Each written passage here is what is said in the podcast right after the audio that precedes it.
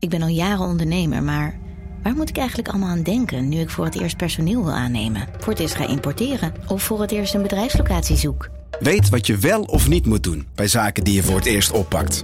Check kvk.nl voor praktische stappenplannen. KVK, hou vast voor ondernemers. Hey podcastluisteraar. Ook op zoek naar een relevante invulling van je schaarse luisteruren? Tune dan in op de podcastserie ESG, even samengevat van BNP Paribas. Wij, Marloes en Aldert, spreken daar duurzame voorlopers en wereldverbeteraars. Waarover dan? Nou, bijvoorbeeld of we ooit duurzaam kunnen gaan vliegen. En waarom koeien in de stad nou een goed idee is? Dat en meer elke twee weken in een nieuwe aflevering. Dus abonneer je. ESG, even samengevat.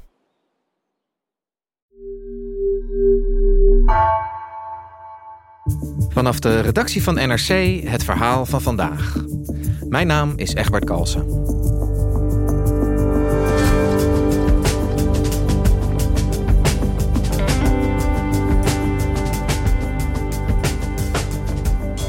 Dertien jaar lang zat de VVD in het centrum van de macht.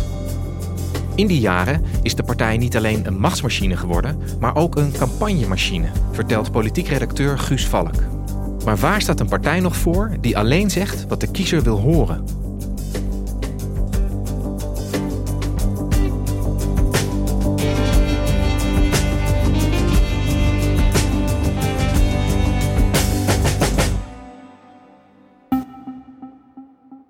In juli van dit jaar viel het kabinet Rutte 4. En dat betekende meteen het einde van 13 jaar premier Rutte. Gisterochtend heb ik het besluit genomen dat ik niet opnieuw beschikbaar ben als lijsttrekker van de VVD. Bij het aantreden na de verkiezingen van een nieuw kabinet zal ik de politiek verlaten. Dat was een belangrijk moment voor de VVD, de grootste partij in Nederland al sinds 2010. Want een partij die lange tijd aan de macht is en lange tijd ook de minister-president heeft geleverd, moet zich meestal na machtswisseling aan de top toch wel klaarmaken voor een hele grote nederlaag. Tot nu toe valt dat alleen nog wel mee. Ze staan op een verlies, maar niet op een heel groot verlies. En Dylan Jezelkus, de nieuwe lijsttrekker van de VVD, lijkt een redelijk stabiele factor te zijn in deze verkiezingscampagne. Ze kunnen zelfs nog steeds de grootste partij van Nederland worden. En veel kiezers, ook veel um, potentiële VVD-kiezers, zien in Gus best een premierwaardige kandidaat. Iemand die best wel kan springen in het gat dat Rutte achterlaat. Ze heeft een strategie waarbij ze ogenschijnlijk afstand neemt van het tijdperk Rutte. Ik wil graag wel vooruitkijken en Oh, niet niet terugkijken. Eh, want daar, heeft, daar hebben de mensen thuis ook helemaal niks aan. Het is nu tijd om de bladzijde om te slaan. Om die oude politiek achter ons te laten. Wat ik doe dat is vertellen hoe mijn, hoe mijn nieuwe hoofdstuk eruit ziet. En een nieuw hoofdstuk voor de VVD. Maar als je goed kijkt, dan zie je dat van een nieuwe bladzijde eigenlijk helemaal niet zoveel sprake is. Ehm, eigenlijk is er heel veel sprake van continuïteit bij de VVD. Er is eigenlijk helemaal niet zo heel veel veranderd. Dat laat heel goed zien, denk ik, hoe de campagnemachine die de VVD de afgelopen jaren geworden is, nog steeds dominant is. De VVD is heel goed in het winnen van verkiezingen en maakt alles daaraan ondergeschikt. En dat is een strategie die op korte termijn heel succesvol kan zijn, maar op langere termijn absoluut niet zonder risico's is. Ja, Guus, Nederland eh, moet verder zonder Rutte. De VVD moet ook verder zonder Rutte. En jij zei net al, eh, als een grote machtspartij van leider wisselt, dan is dat niet zonder risico's. De geschiedenis laat dat zien. Kun je daar eens wat meer over vertellen? Nederland heeft in de 20e eeuw, de tweede helft van de 20e eeuw tenminste, drie hele grote machtspartijen in het midden gehad. Die eigenlijk altijd onderling bepaalden wie er eh, het voor het zeggen had. Het CDA, de Partij van de Arbeid en de VVD. Van die drie partijen is eigenlijk nog maar één machtspartij over, dat is de VVD. Met de, Partij van de Arbeid is het eigenlijk misgegaan na het einde van het Tweede Paarse kabinet in 2002. En dat viel samen met het aftreden van premier Wim Kok, die acht jaar premier was geweest. En de Partij van de Arbeid had een nieuwe kandidaat-premier klaarstaan, als Melkert. Maar de kiezer pikte dat niet. Het was de Fortuynrevolte. Ehm Melkerts kandidatuur werd een fiasco. En je zou kunnen zeggen, de PvdA is daar nooit helemaal overheen gekomen. Bij het CDA gebeurde eigenlijk hetzelfde na het tijdperk van Jan-Peter Balkenende. Hij was premier tussen 2002 en 2010. En toen hij de verkiezingen verloor in 2010, toen trad hij af en raakte het CDA in een soort stuurloze periode. En daar is ook het CDA nooit meer echt goed overheen gekomen. Het gaat dus deels om een machtswissel, maar het gaat ook, en dat constateren partijen altijd na een nederlaag in interne analyses, het gaat er ook om dat een partij die aan de macht is, het interne debat heel erg dempt. Want dat is alleen maar gevaarlijk. Hè? Als er dan ontstaan er tweespalt en uh, misschien wel ruzie en worden mensen het oneens. En partijen worden heel risicomijdend als ze aan de macht zijn. Um, dat gebeurde bij het CDA heel sterk in de Balkenende jaren. Het gebeurde bij de PvdA in de jaren Kok, die de ideologische veren afschudden, zoals hij dat zelf uh, zei, ook heel erg. En de analyse na afloop is altijd: we hebben niet goed geluisterd naar de samenleving, we hebben niet goed nieuwe stemmen tot ons genomen, maar we zijn ook te weinig een soort ideeënpartij geworden. We hebben de nieuwe uitdagingen van deze tijd eigenlijk niet goed gezien. Elke keer weer komt dat terug in, uh, in, in analyses die ze na afloop maken. En heeft de VVD daar eigenlijk nooit last van gehad? Van zo'n periode dat ze lang hadden meegeregeerd en dan een beetje vastlopen dat ze geen nieuwe ideeën hebben en zo? Zij hebben precies hetzelfde probleem gehad. Dat gebeurde namelijk in 2002, het jaar dat de LPF in de Fortuynrevolte zoveel zetels won. Toen haalde de VVD een historische nederlaag. En ook zij kwamen toen tot de conclusie in een rapport dat het partijbestuur had geschreven dat ze een fossiel waren geworden. Zo schreven ze dat zelf. En ze besloten toen, in die jaren na Fortuyn, van het moet anders. We moeten weer meer debat krijgen, we moeten, het moet weer bruisen in de VVD. Zo hadden ze dat uh, opgeschreven. Sprankelende discussies, dat wilden ze. Uh, er kwam meer ledendemocratie, er kwam veel meer ruimte voor bijvoorbeeld Tweede Kamerleden om met ideeën te komen. Alles mocht opeens bij de VVD. Het, werd echt een beetje, het waren een beetje wilde jaren eigenlijk. En Mark Rutte, die in 2006 partijleider werd, die uh, omarmde dat ook heel erg. En hij kwam ook met groen rechts. Dat was een idee dat hij had bedacht met Jort Kelder. Um, dat er over ging dat ook een rechtse partij als de VVD over groene politiek moest nadenken. Maar dan op een heel andere manier dan linkse partijen dat altijd deden. Want het moest niet meer gaan over consuminderen en, en het moest niet zwartgallig worden. Maar het moet juist optimistisch worden en het moest juist gaan over aan klimaatbeleid kun je ook geld verdienen. Daar kwam het eigenlijk op neer. En dat was bedoeld om ook als een soort steen in de vijver te dienen van wij als VVD moeten niet alleen maar de partij van automobilisten zijn, tegen regels, voor lage belastingen, et cetera, die klassieke VVD-punten. Maar we moeten ook een beetje gewoon ja, kijken wat er leeft en wat houdt mensen bezig en onze boodschap daarop aanpassen. Ja, en werkte dat een beetje? Begrepen de kiezers wat de VVD aan het doen was? Dat vraag ik me af, want in de verkiezingen van 2006, de eerste verkiezingen dat Rutte lijsttrekker was, verloren ze de verkiezingen. Ze haalden in ieder geval uh, geen, geen best resultaat. En dat was een beetje een teleurstelling in de VVD, dat merkte je wel.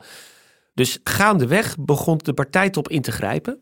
En begonnen ze ook tegen Rutte te zeggen van ja, wacht eens even. Het moet gewoon gaan over de liberale grondbeginselen die we altijd hebben gehad. Dus wij zijn gewoon de partij van uh, harde straffen, minder migratie, minder regels, uh, minder belastingen. Gewoon wat rechtse mensen willen. En verder geen, geen spielerij meer. En dat vertaalde zich in de verkiezingen van 2010 in een hele gedisciplineerde campagne. Waarbij de VVD heel geen slogans begon te praten. Ik heb er een paar hier voor me liggen. Um, minder overheid is minder belasting. VVD, zeker nu. Vandalen gaan betalen. De economie kan wel wat VVD gebruiken. Het kabinet is gevallen. Kan ons land eindelijk weer opstaan? Nou ja, met dat soort slogans probeerden ze de verkiezing van 2010 te winnen. En tegen alle verwachtingen in werden ze de grootste en werd Rutte premier. En wat die verkiezingen eigenlijk deden, was dat ze van de VVD op dat moment een geoliede campagnemachine maakten. Het winnen van de volgende verkiezingen was het enige dat telde. En alles was verder daaraan ondergeschikt. Dus ideeënvorming, debat, uh, discussie, uh, dat was allemaal even niet meer zo belangrijk. Het ging gewoon over de volgende verkiezingen winnen. Nou, je zou kunnen zeggen dat dat, dat, dat gewerkt heeft. Hè? Ze zijn uh, niet alleen in 2010, maar eigenlijk alle verkiezingen daarna de grootste geworden. 13 jaar lang uh, aan de macht geweest. Uh, nu gaat Rutte weg. Dreigt dan nu hetzelfde voor de VVD als destijds voor het CDA en de PvdA gebeurde? Ja en nee, is het korte antwoord. Natuurlijk dreigt dat, dreigt dat gevaar heel erg. Een, een premier int altijd een premierbonus, zoals dat heet. Um, een premier levert altijd zetels op, want kiezers houden van stabiliteit. Daarbij wijzen veel VVD'ers erop, die uh, mijn collega Petra de Koning en ik afgelopen week hebben gesproken, dat de VVD een partij is geworden die uh, heel weinig interne dynamiek toestaat. Heel weinig debat, heel weinig ja, bruist van die ideeën, wat ze ooit wel hadden gewild. Iemand vergeleek het met een uitgeknepen citroen die de VVD is geworden. Dus een, een, een plek waar eigenlijk niet zo heel veel meer uh, te beleven valt. Dus die valkuil, waar CDA en PvdA allebei intrapten, die ligt nu ook weer op de route. Maar bij de VVD is het heel anders dan het CDA en de PvdA in hun jaren echt een campagnepartij is geworden. Met een hele professionele campagneorganisatie. Met een hele stabiele stroom van donateurs. Vaak ook grote ondernemers die de VVD warm hart toedragen. Dus geld is er ook altijd in de campagnekas. En een heel gedisciplineerde boodschap. En die ingrediënten maken dat de VVD toch in staat is om verkiezingen te winnen. Of in ieder geval tot het einde toe mee te doen. En, en hoe, hoe doen ze dat dan? Ik bedoel, hoe run je zo'n campagne? Waar ze denk ik heel goed in zijn, is één verhaal vertellen. En om de kiezer net te geven waar de kiezer behoefte aan heeft. En dat houden ze heel goed bij. Ze peilen ook vaak wat kiezers en mogelijke VVD-kiezers van een onderwerp vinden. En daar passen ze hun boodschap op aan. En het valt me op aan de lijsttrekker, Dylan Jezelgus, dat zij heel gedisciplineerd is in het vertellen van het verhaal dat vooraf bedacht is. En dat kun je onoprecht of, of, gemaakt noemen, maar het is aan de andere kant ook weer super professioneel, want ze wijkt nooit van het script. Werkelijk nooit. Uh, Peter de Koning en ik hebben haar uh, geïnterviewd een paar weken geleden. En uh, ze zei interessante dingen over bijvoorbeeld over vechtsporten en over hoe ze probeert fit te blijven. En wij dachten, oh, leuk gespreksonderwerp, dus daar hebben we het de tijd over gehad hoe zij terugkeek op de jaren Rutte. En zij probeerde dat toen heel los te zien van Rutte. Maar ze, ze zei wel van, we hebben de afgelopen jaren te weinig geluisterd naar mensen. Ook wel een moment dat we even onze oren spitsten.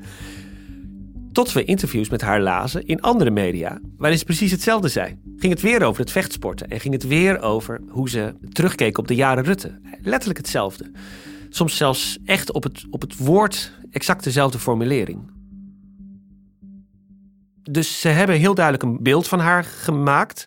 En heeft ze zelf aan meegewerkt. Van een, ten eerste een fitte vrouw, die een vechter. Uh, maar ook iemand die echt een nieuw hoofdstuk wil beginnen. Maar Dylan Jezus wilde niet te ver gaan in uh, het afstand nemen van Rutte. Want het is wel Mark Rutte, 13 jaar minister-president geweest. Die ga je niet zomaar afserveren natuurlijk. Terwijl ze ook weet, onder veel kiezers is er ja, toch een hoop uh, woede die zich richt op, op Rutte. Dus hoe ga je met dat dilemma om? Ze hield het eerst heel abstract. Dan vertelde ze gewoon over dat er een oude generatie politici was. En zij was van een andere generatie. Ze ging het anders doen. Ze ging beter luisteren. Dat was eerst het verhaal. Maar ik denk dat er in de campagne wel iets gebeurd is in het team. Dat ze gedacht hebben van deze boodschap is net nog niet helemaal goed. We moeten toch wat radicaler breken met het tijdperk Rutte. Dus Rutte kwam in het programma Spuigasten van Ron Vrezen.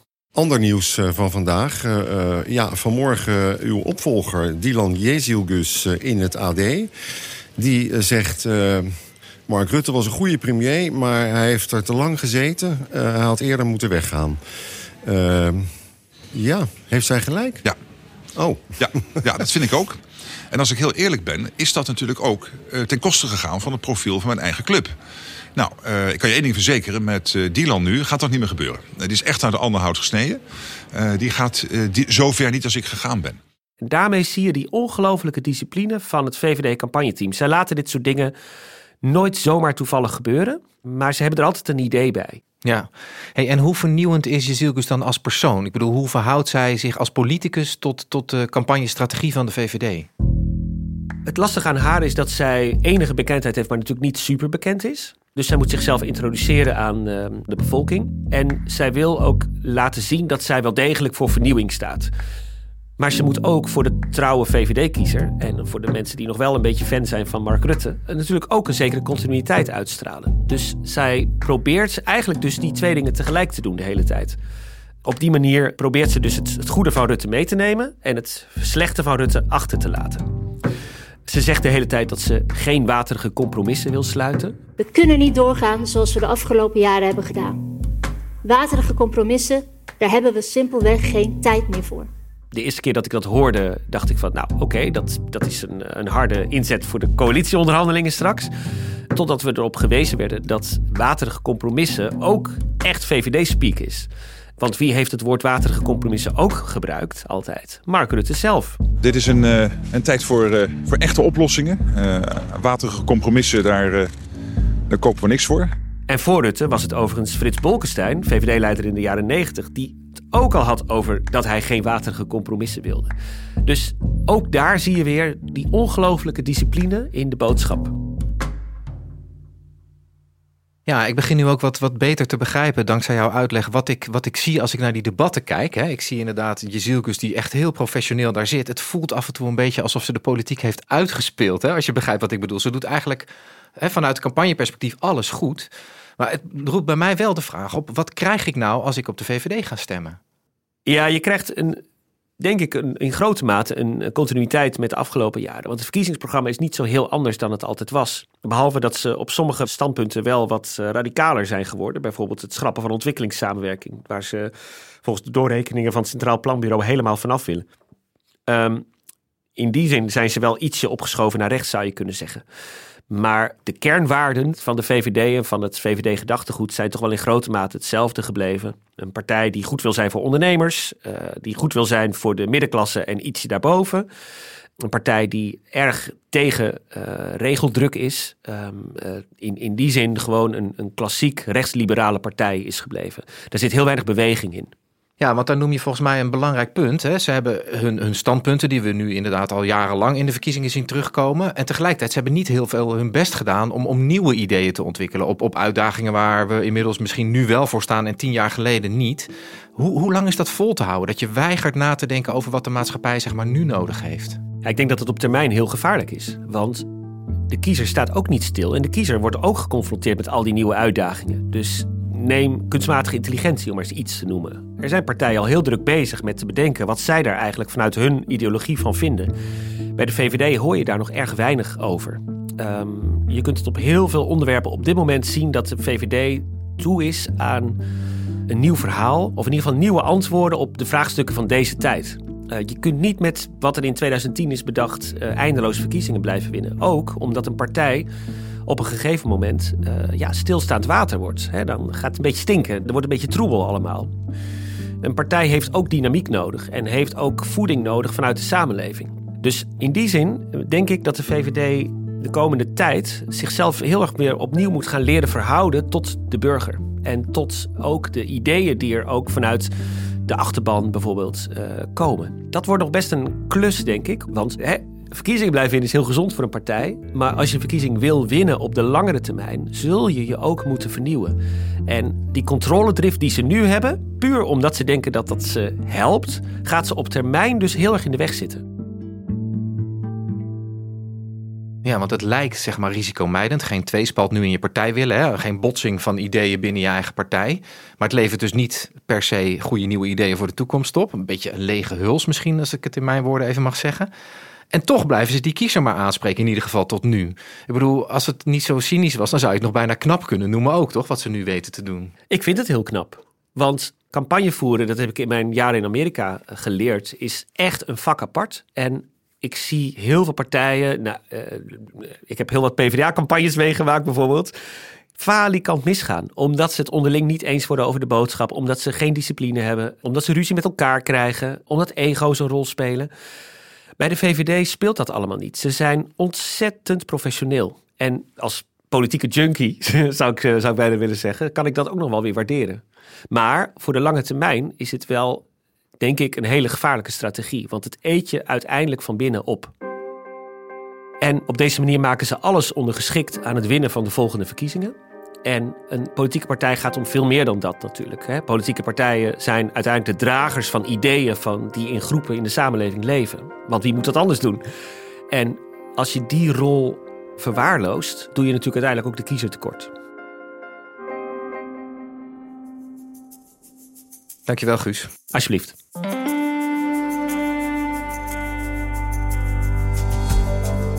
Je luisterde naar vandaag, een podcast van NRC. Eén verhaal, elke dag. Deze aflevering werd gemaakt door Mila Marie Bleeksma en Marco Raaphorst. Coördinatie Henk Ruigrok van de Werven. Dit was vandaag. Morgen weer.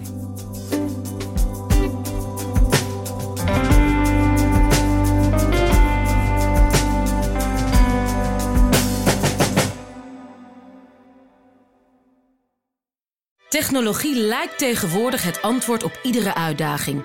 Bij PwC zien we dit anders. Als we de potentie van technologie willen benutten, kunnen we niet zonder een menselijk perspectief. Human-led, tech-powered noemen we dat. Ga naar pwc.nl.